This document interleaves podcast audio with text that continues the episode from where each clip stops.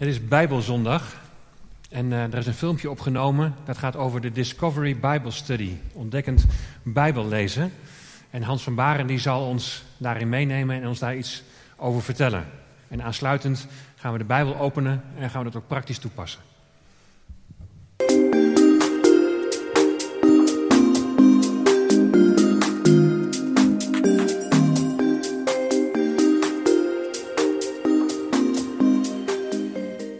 Is DBS en wat maakt deze Bijbelleesmethode uniek? Nou, de basisgedachte van een Discovery Bible Study, DBS, is dat Gods woord en Gods geest samen krachtig genoeg zijn om van mensen echte discipelen te maken, die zelf ook weer discipelen maken. Leven brengt leven. Nou, eerste unieke is het proces van zelf ontdekken. Where can we find a safe place where we can openly ask our questions and share our ideas, but at the same time see what the Bible says rather than simply hear everyone's opinions? The Discovery Bible Study is a simple tool that's been used around the world in diverse cultures to help people find the Bible's answers to their deep questions. In onze maatschappij nemen we niet alles zomaar meer aan, maar wij willen eigenlijk dingen zelf ontdekken. Dat zit in de mens. En de, deze methode is een methode die helpt mensen om het woord te openen, te lezen en dan uh, zelf te ontdekken wat het zegt. Dus wat leer je in dit gedeelte over God of over Jezus? Wat laat het zien over Jezus en over God? Dus wat spreek je aan in dit gedeelte? En wat leer je in dit gedeelte over mensen of over de mensheid? En wat zegt dit over jou als persoon? De tweede is de toepassing. Uh, Jezus zegt in Matthäus 17: als we Gods woord leren kennen en het moeten toepassen. Nou, het, een onderdeel van deze DBS is dat je ook gaat zeggen van uh, hoe kan ik wat ik geleerd heb toepassen in mijn omgeving deze week. En dat is een vraag die je dan concreet gaat beantwoorden. Zodat je in de volgende bijeenschap kan vragen hoe is het gegaan uh, en hoe heb je toegepast wat je geleerd hebt. Hè? De derde is het omdat je het met elkaar ontdekt en toepast, zit er ook een stukje accountability in. Dus verantwoording afleggen. Dus aan het eind van iedere studie zeg je aan wie ga je de komende week dit verhaal doorvertellen. Dus het heeft dit multipliceren, de duplicatie, want je gaat er dan aan iemand vertellen. En als we dat tegen andere mensen zeggen dat wij dit gaan doen, is de kans veel groter dat je dit ook echt gaat doen. En uh, uh, als we dat dan ook uitleggen aan een ander, wordt het ook echt in ons leven. En eigenlijk wat je ziet is dat door deze drie eenvoudige principes het woord van God gaat leven. Want je gaat het ontdekken, je gaat het toepassen en dan ga je erover praten. Hoe je dan ook met een ander over gesproken hebt. En zo gaat het leven en zo ga je groeien als een discipel van Christus. Want het woord van God is het levende woord. En we willen het ook levend zien in ons leven. Hoe heb je dit gebruikt? Nou, ik, uh, ik ontmoet verschillende mensen en ik doe verschillende dingen met verschillende mensen. Maar ik heb het gebruikt, ook hier in Emmeloord, met, met een heel aantal mensen. En, dan, uh, en ik heb het gedaan met mensen die nog nooit helemaal niets over het evangelie weten. Niet bekend zijn wat het betekent om een volgeling van Christus te zijn. Maar door het openen van het woord van God, het, het, het zelf ontdekken, het is gaan leven en het dan toepassen ook, zie je dat de andere mensen gaan zien wat het woord van God doet in het leven van een individu. En wat je dan vaak op een hele natuurlijke manier krijgt, dat zijn omgeving zegt, joh, wat is er bij jou gebeurd? En die zegt, ja, ik doe, uh, wij doen een beetje een studie, we lezen in Gods woord en zo. En dan krijg je mensen, oh, mag ik ook meedoen? Of dat je iemand vraagt, zegt, joh, kom ook mee. En dan zit je eigenlijk met niet-christenen en ontdek je samen wat het woord van God zegt. Als je kijkt over verschillende ja, stukken uh, Bijbelgedeelten. En ik heb een heleboel mooie gedeeltes waarin mensen dus zelf ontdekken en gaan toepassen en erover gaan praten wie Jezus is en hoe die ons leert om tot volheid en uh, te leven in dit leven. En ik heb gezien, ik heb gezien dat hier in Emmeloord mensen tot levend geloof zijn gekomen door dit proces. En uh, ja, een heleboel bijzondere dingen meegemaakt op dat gebied.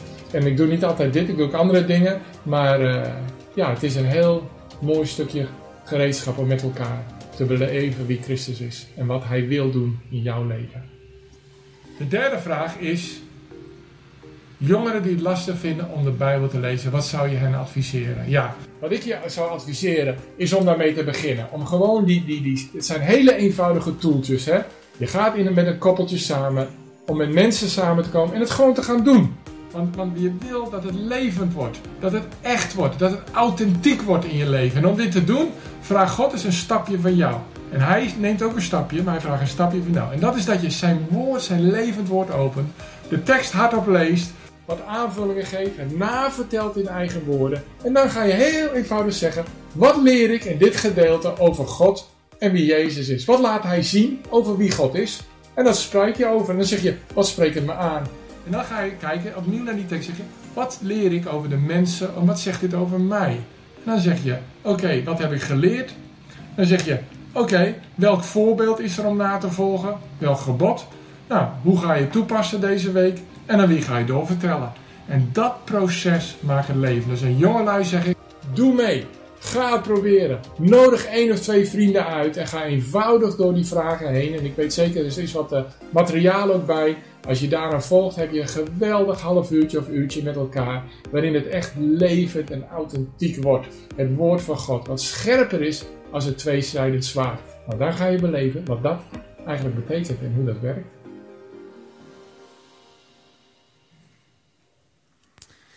Ja, en uh, we willen je daar graag in helpen. En in de maand november gaan we Discovery Bible Study aanbieden. En uh, is het mogelijk om daarin deel te nemen of daarin te begeleiden. En uh, dat zal op vrijdagen zijn, of s morgens heel vroeg, of aan het eind van de middag. Verschillende tijdstippen. Nogmaals, in het gemeenteblad, daar staat, het gemeentenieuws, daar staat het een en ander, een, een, een, een link waar je je op kunt geven. En als het goed is bij, is bij de uitgang ook een QR-code neergehangen of neergelegd waar je ook even op kunt inscannen om daarin deel te nemen. En je kunt allereerst daarin deelnemen, maar uiteindelijk kun je dat wat Hans doet met mensen, dat kunnen we allemaal. En dat is mooi, discipelen maken. We gaan zo meteen de Bijbel openen. En het thema voor vanmorgen is verleg je focus. Verleg je focus. En we gaan straks weer uh, lezen uit Handelingen 4. Zoals ik al zei, deze zondag is dus uitgeroepen tot de Bijbelzondag. Een zondag om nog eens speciaal te benadrukken hoe belangrijk, hoe waardevol en hoe essentieel het is om de Bijbel, om het woord van God te lezen. De Bijbel is niet zomaar een oud stoffig boek dat heel lang geleden is geschreven. Het is het woord van God opgeschreven door mensen die door God, die door de Heilige Geest zijn geïnspireerd. En in de Bijbel laat God zien wie Hij is. Opdat we Hem zullen kennen. Nou, we hebben net in de Kahoot gezien dat 55% van de mensen daar ook van overtuigd is. En daarom ook de Bijbel lezen. In de Bijbel laat God zien wat zijn plan met deze wereld is. Het is een levend woord. Het, tijdens het lezen van het woord van God wil Hij tot jou spreken. De Bijbel is het boek waar je bemoediging en, en troost uit kunt putten. De Bijbel is ook een eerlijk boek. Een boek wat gaat over nood en over innerlijke strijd die je zo in je leven kunt ervaren. Door het lezen van het woord van God wil Hij jou ook aanraken op dat, dat wat je leest, dat je dat ook gaat toepassen in je leven. En ik zag dat maar 12% van de mensen daarvoor had gekozen. Misschien is het ook best wel moeilijk om het ene of het andere antwoord te kiezen. Want eigenlijk hoort het bij elkaar. En God leren kennen door zijn woord. Maar ook die toepassing is zo enorm belangrijk. Het is niet alleen maar als een kennisboek geschreven, maar dat we daar ook vanuit gaan leven. Omdat je zult veranderen naar het beeld van de Heer Jezus, omdat je meer op Hem gaat lijken. Het deed me goed om te lezen dat de Bijbel nog steeds een veelgelezen boek is onder een deel van de christelijke jongeren. Uit een onderzoek van Beam blijkt dat een kwart van de 2400 ondervraagde jongeren bijna dagelijks uit de Bijbel leest. Dat is natuurlijk wel de positieve benadering, want driekwart dus blijkbaar niet. Het verlangen is er bij veel jongeren wel, maar hoe doe je dat dan? In de gemeente ligt het wat hoger. Daar zegt 45 procent, we lezen de Bijbel elke dag. 25 procent af en toe. Maar als er gevraagd wordt van waarom lees je dan niet in de Bijbel of niet regelmatig, dan is het tijdgebrek. En dat zien we in het onderzoek ook uh, terugkomen. Tijdgebrek, geen zin, te druk met school zijn, zijn veelgenoemde redenen om niet regelmatig in de Bijbel te lezen. Maar misschien heb je gewoon even hulp en advies nodig van, van hoe doe je dat dan? En op welk tijdstip bijvoorbeeld? Nou, je kunt bijvoorbeeld lezen via een Bijbel-app. Ik gebruik zelf YouVersion. Je kunt dan gewoon Bijbelgedeelte lezen. Je kunt zelfs uh, inschakelen dat je in één jaar door de Bijbel gaat. En je krijgt automatisch elke dag weer een Bijbelgedeelte wat je dan moet lezen. Maar er zijn ook leesplannen over allerlei verschillende onderwerpen. Bijvoorbeeld groepsdruk. En zo zijn er heel veel andere onderwerpen die je daar kunt vinden. Dan hoef je niet steeds zelf iets op te zoeken, maar het wordt je eigenlijk aangereikt en zo kun je misschien een stukje routine opbouwen. Je kunt vrienden vragen om, om samen te lezen. Misschien helpt het als je het samen kunt doen. En je kunt ook fysiek bij elkaar komen. Dan heb je gelijk een beetje een stok achter de deur. Nou, in de maand november, zei ik al, geven we je de gelegenheid om hier in de fontein te komen en samen de Bijbel te lezen. Plenty mogelijkheden. Het is dan wel belangrijk dat je de Bijbel niet leest slechts als een geschiedenisboek, maar dat je ook leert toepassen datgene wat je in de Bijbel leest. Dat je het kunt toepassen in de praktijk van je, van je dagelijkse leven. De Discovery Bible Study die kan daar wellicht bij helpen. Het is een instrument om samen over een Bijbelgedeelte door te praten. Je kunt het uiteraard ook voor jezelf gebruiken.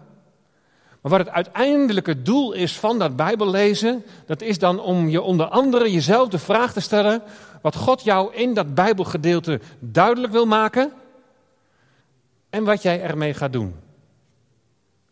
En dan maak je het heel praktisch. Nou, de Discovery Bijbelstudie, die methode, die begint als volgt. De eerste opdracht is, lees het Bijbelgedeelte hardop voor, bij voorkeur in twee verschillende vertalingen. Je zit bij elkaar, je gaat met elkaar lezen. Nou, gezien de beperkte tijd lees ik vanmorgen één Bijbelvertaling en we gaan samen lezen Handelingen 4, vers 23 tot en met 31. Handelingen 4, vers 23 tot en met 31. En dat is het vervolg op het Bijbelgedeelte van vorige week.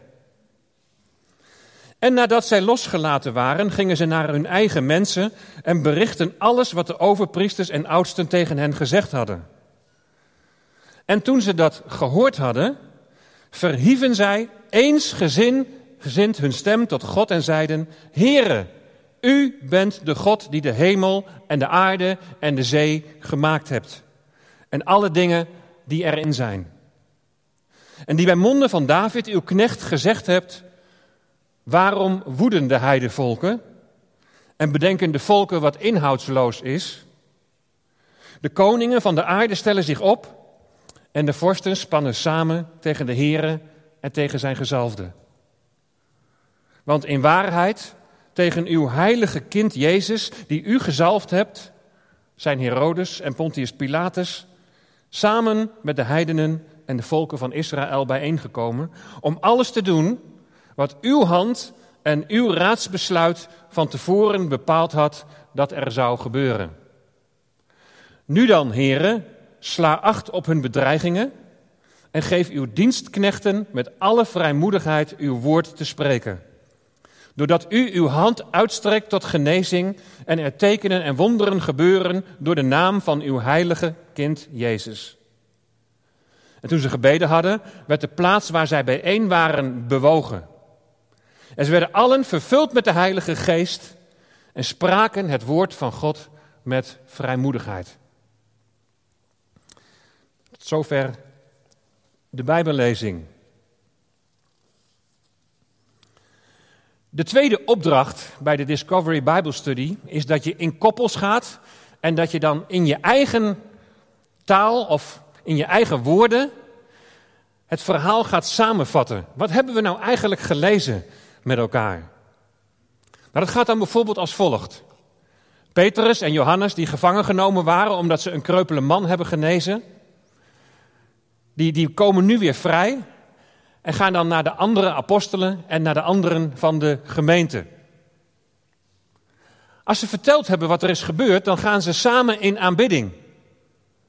En aanbidding is hier het uitspreken dat God machtig is, dat Hij groot is. Tijdens die aanbidding gebruiken ze woorden uit de Bijbel.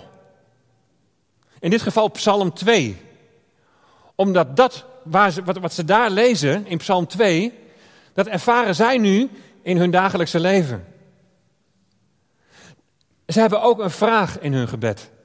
En die vraag is om vrijmoedig het woord te spreken en dat het gepaard mag gaan met wonderen en tekenen. En als het gebed klaar is, dan komt er een reactie van God. Het gebed wordt verhoord. Er was een aardbeving. Ze werden vervuld met de Heilige Geest. En ze spraken het woord van God met vrijmoedigheid. Zo heb ik het verhaal denk ik wel een beetje naverteld. Maar dat is mijn samenvatting. Misschien is er iemand anders die wel heel andere nadrukken legt. Of die andere dingen is opgevallen. En zo kun je elkaar daarin aanvullen. En ik denk als je zo met zo'n Bijbelverhaal bezig bent, dan zit het er helemaal ingeprent. Dan vergeet je het ook niet meer. Als je dat hebt gedaan, dan zijn er vervolgens vijf vragen, vijf opdrachten.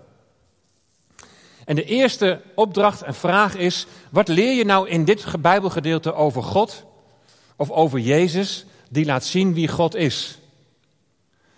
De tweede vraag is: wat leer je in dit Bijbelgedeelte over mensen, over de mensheid?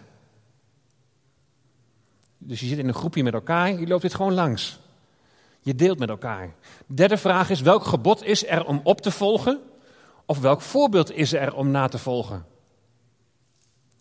Dan, wat ga je komende week doen met wat God je heeft geleerd door dit Bijbelgedeelte heen? En als laatste, aan wie ga jij komende week het verhaal doorvertellen? Nou, een preek is net iets anders als een Bijbelstudie of een Bijbelbespreking, maar ik ga een poging doen om, om deze overdenking te gaan doen in deze lijn. En de eerste opdracht is dus: wat leer je in dit gedeelte over God of over Jezus die laat zien wie God is? Nou, wat we hier over de Heere God leren, is wat degenen die daar samen zijn, Petrus en Johannes en, en, en de rest van de gemeente, wat zij in aanbidding over hem zeggen. En wat zeggen ze? We lezen het in vers 24. Heere, u bent de God die de hemel en de aarde en de zee gemaakt hebt en alle dingen die erin zijn. Aanbidding, dat is God loven, hem prijzen om wie hij is. Aanbidding is hem de plaats geven die hem toekomt. En dan beginnen ze met het woord Here. En voor Here staat in het Grieks despota. Despoot. Dat woord heeft bij ons een negatieve lading gekregen. Maar het grondwoord despotes, dat wordt in het Nieuwe Testament voornamelijk gebruikt om, om de Heer, om God als eigenaar te onderscheiden van de slaven die tot zijn bezit horen. Dat ene woordje Heere geeft aan wie God is. Hij is de eigenaar. Hij is de schepper. Hij heeft alles gemaakt en daarmee beleiden wij, Heere, wij zijn uw eigendom, we behoren u toe en we willen ons aan u onderwerpen. U bent Heer van de schepping. Heere, u staat boven alles, ook boven mijn omstandigheden. Met aanbidding verleg je je focus van je omstandigheden naar de Heere die boven die omstandigheden staat. En je prijst Hem om wie Hij is.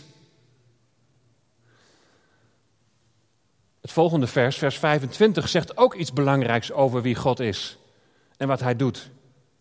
Daar staat namelijk dat de Heere God door de mond van David dat Hij iets heeft gezegd dat hij David iets heeft laten zeggen, dat betekent dat hij dus mensen heeft ingeschakeld om zijn stem te zijn. En wat heeft hij David laten zeggen? Waarom woedende hij de volken? En bedenken de volken wat inhoudsloos is.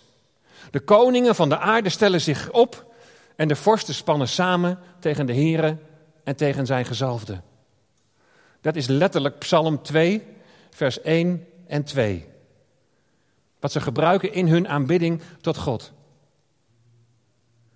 De conclusie die je hieruit kunt trekken is dat Psalm 2 door David is geschreven. Maar ook dat Psalm 2 niet zomaar menselijke woorden zijn, maar dat die woorden zijn geïnspireerd door God.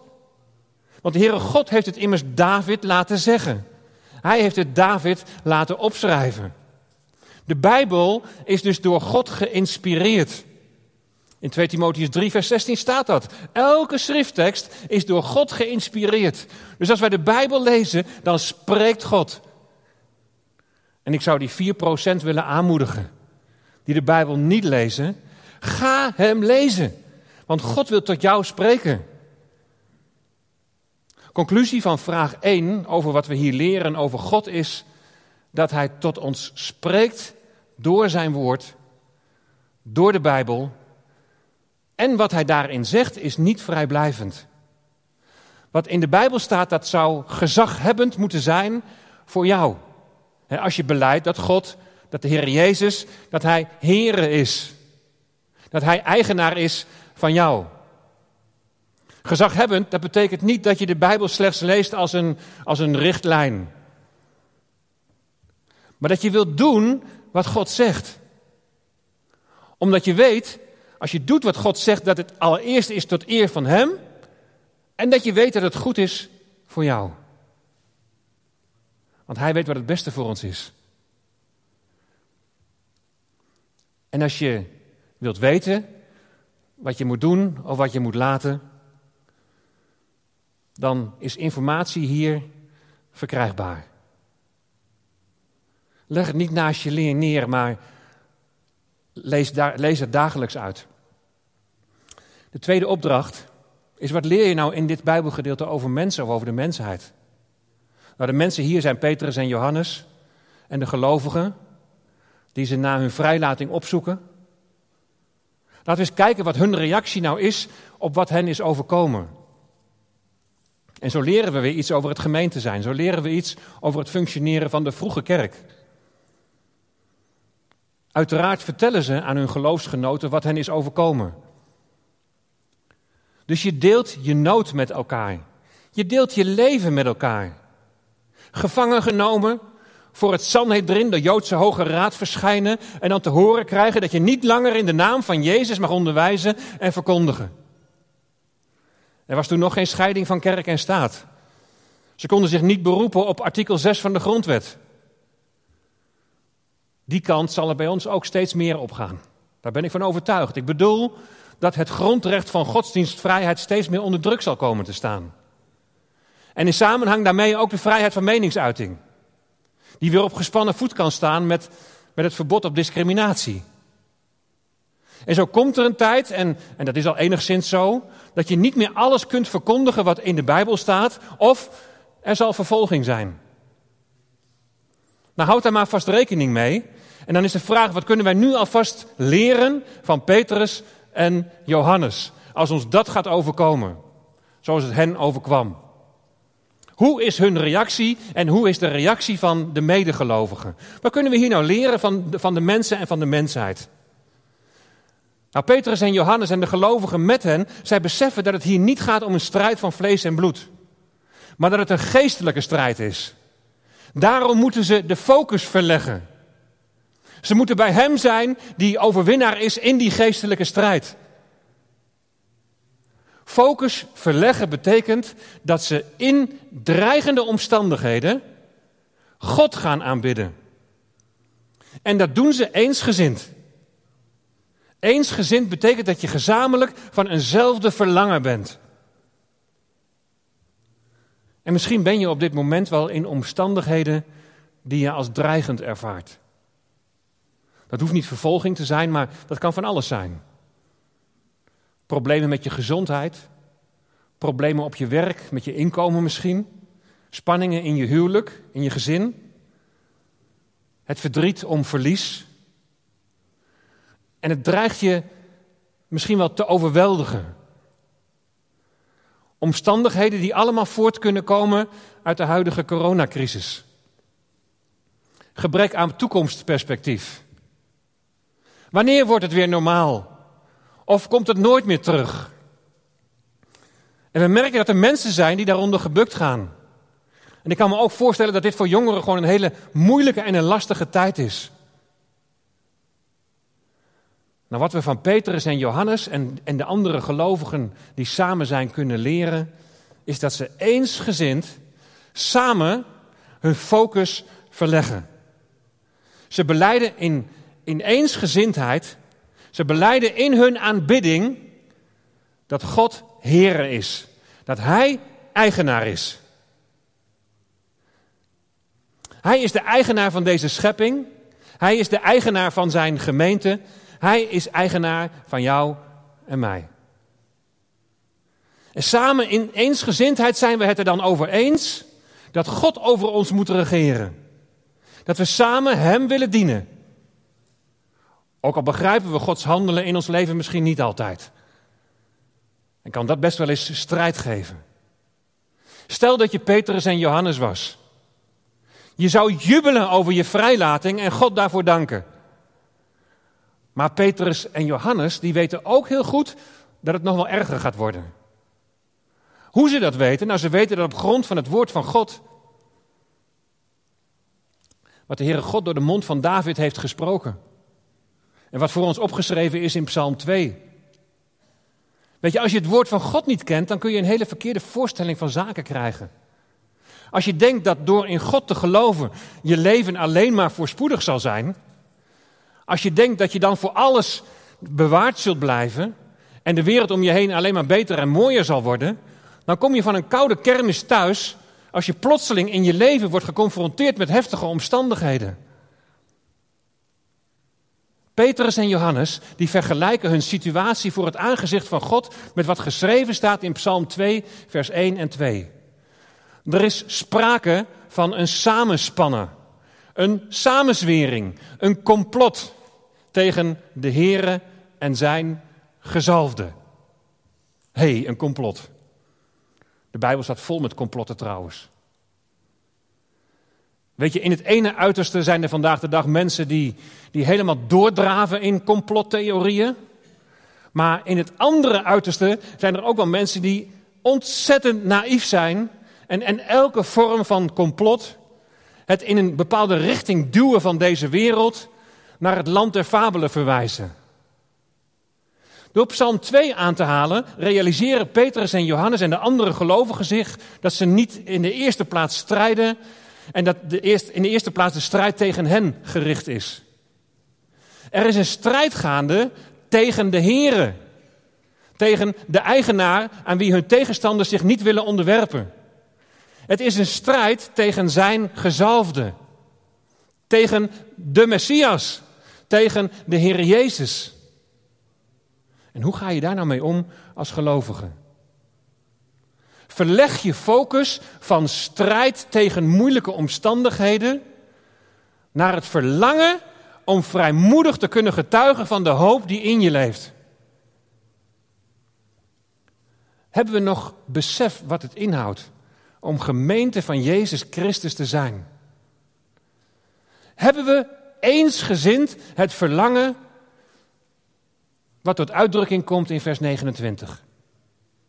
Geef uw dienstknechten, daar staat letterlijk doelos slaven.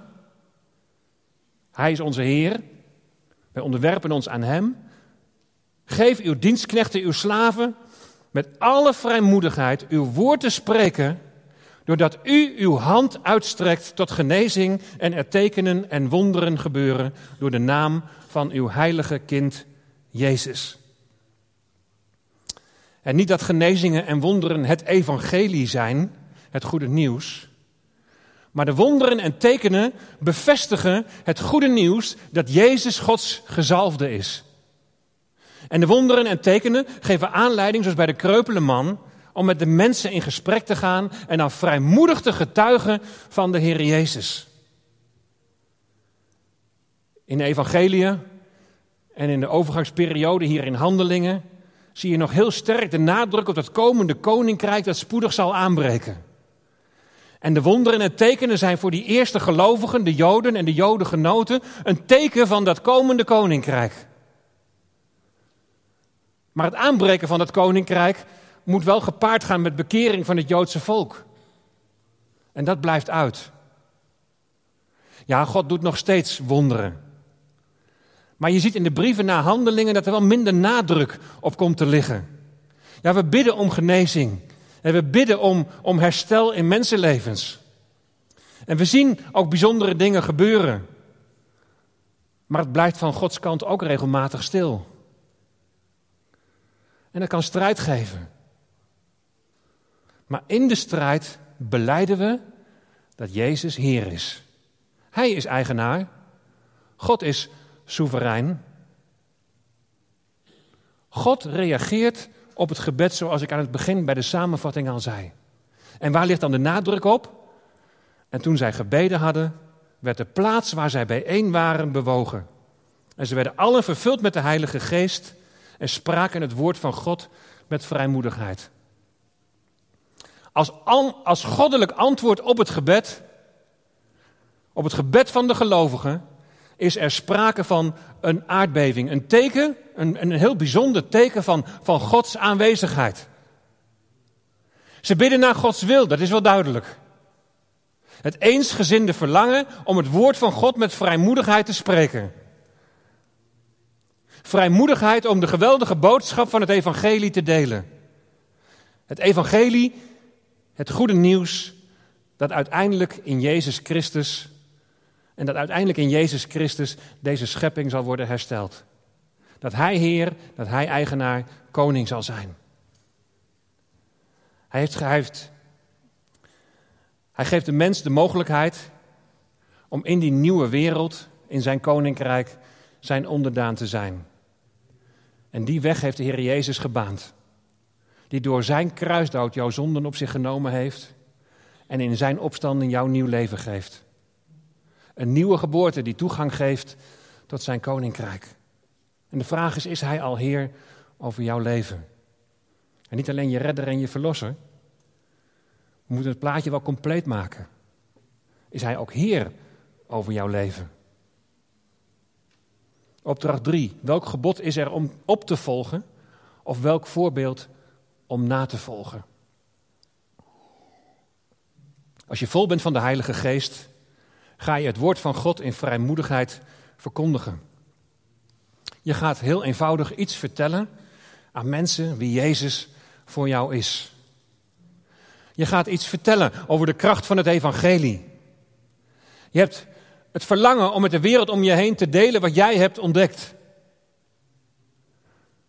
Maar dat mogen Petrus en Johannes helemaal niet meer.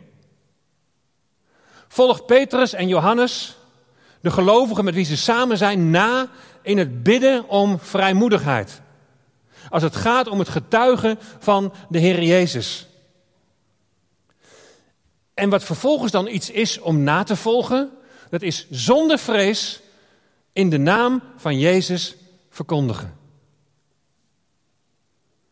En dan komen we bij het spannende slot. Opdracht 4. Wat ga je de komende week doen met wat God je geleerd heeft door dit gedeelte. 12% zei slechts van ik lees de Bijbel om ook tot een toepassing te komen. Maar hoe belangrijk is dat? En misschien is het al een hele grote stap voor je om in je moeilijke omstandigheden God te gaan aanbidden. Maar zo kun je het Bijbelgedeelte van vanmorgen al in praktijk gaan brengen. En weet je, als je daar geen eigen woorden aan kunt geven, dan kun je bijvoorbeeld de woorden gebruiken van Handelingen 4. Heel praktisch, Heere, u behoor ik toe. U bent de God die hemel en aarde en de zee gemaakt hebt en alle dingen die daarin zijn. En Psalm 2, dan in eigen woorden. We leven in een rare wereld, Heer, waar landen en mensen tegen elkaar opstaan. We leven in een wereld het, waarin het christelijk getuigenis steeds meer wordt tegengewerkt.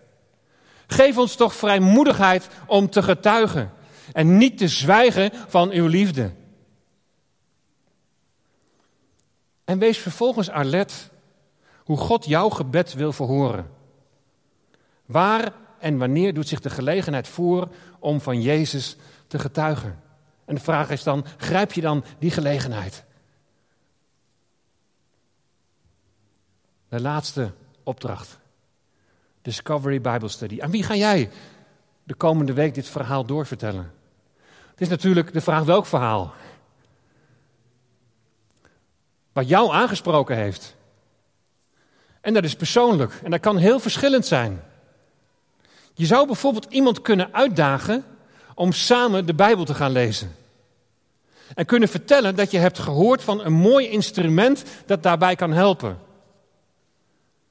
Je zou het iemand kunnen vertellen en dan meteen die persoon kunnen vragen om ook in te tekenen op die momenten van samenlezen in de Bijbel in november hier in de fontein. We zien hier in Handelingen 4 een beweging van de geest, waar gelovigen eensgezind een gebed bidden dat naar Gods wil is. De focus ligt niet op de omstandigheden, op de vervolging. Maar ze gaan God aanbidden en vragen in gebed heel concreet dat God hen binnen die omstandigheden vrijmoedigheid zal geven om te getuigen. En Petrus en Johannes en hun medegelovigen die zaten niet samen in een groot kerkgebouw. Het was niet zo dat ze hun onderlinge bijeenkomst verzuimden. Ze kwamen met elkaar bij broeders en zusters. Gewoon thuis.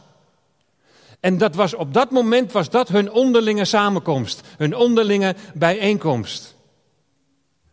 Ik zou willen zeggen tot slot, volg hen daarin na. Lees het woord van God. Hou je focus op Jezus gericht. De leidsman en voleinder van ons geloof. Amen. Laten we samen bidden. Trouwe Vader in de hemel, we danken u voor het woord dat u ons hebt toevertrouwd, dat u ons hebt gegeven. Heer, en door uw woord wilt u tot ons spreken. Wilt u openbaren wie u bent. Wilt u ons helpen om datgene wat we lezen ook in de praktijk te brengen. Heer, we bidden u, Heer, dat ook dit instrument waar we het vanmorgen met elkaar over hebben gehad, tot zegen mag zijn. Dat we elkaar zullen uitnodigen om samen te lezen. Samen gewoon eens de vraag te stellen, wat, wat staat hier eigenlijk over God, over, over de Heer Jezus? Wat zegt dit Bijbelgedeelte nou eigenlijk over, over, over de mens die, die ergens op reageert? Hier dat we mogen leren van, van, van deze vragen, hoe we niet alleen uw Bijbel zullen lezen, maar ook het in de dagelijkse praktijk van ons leven zullen toepassen. Heer, ik bid zo dat die percentages die we net hebben gezien, dat die voor bepaalde antwoorden omhoog zullen gaan. Dagelijks uw woord lezen. Met het verlangen om u daarin te ontmoeten. En daarin ook de weg te ontdekken voor, voor je leven. Vader, we danken u. We danken u voor deze morgen. We danken u voor uw woord. En wilt u het bevestigen zo in onze harten. In Jezus' naam. Amen.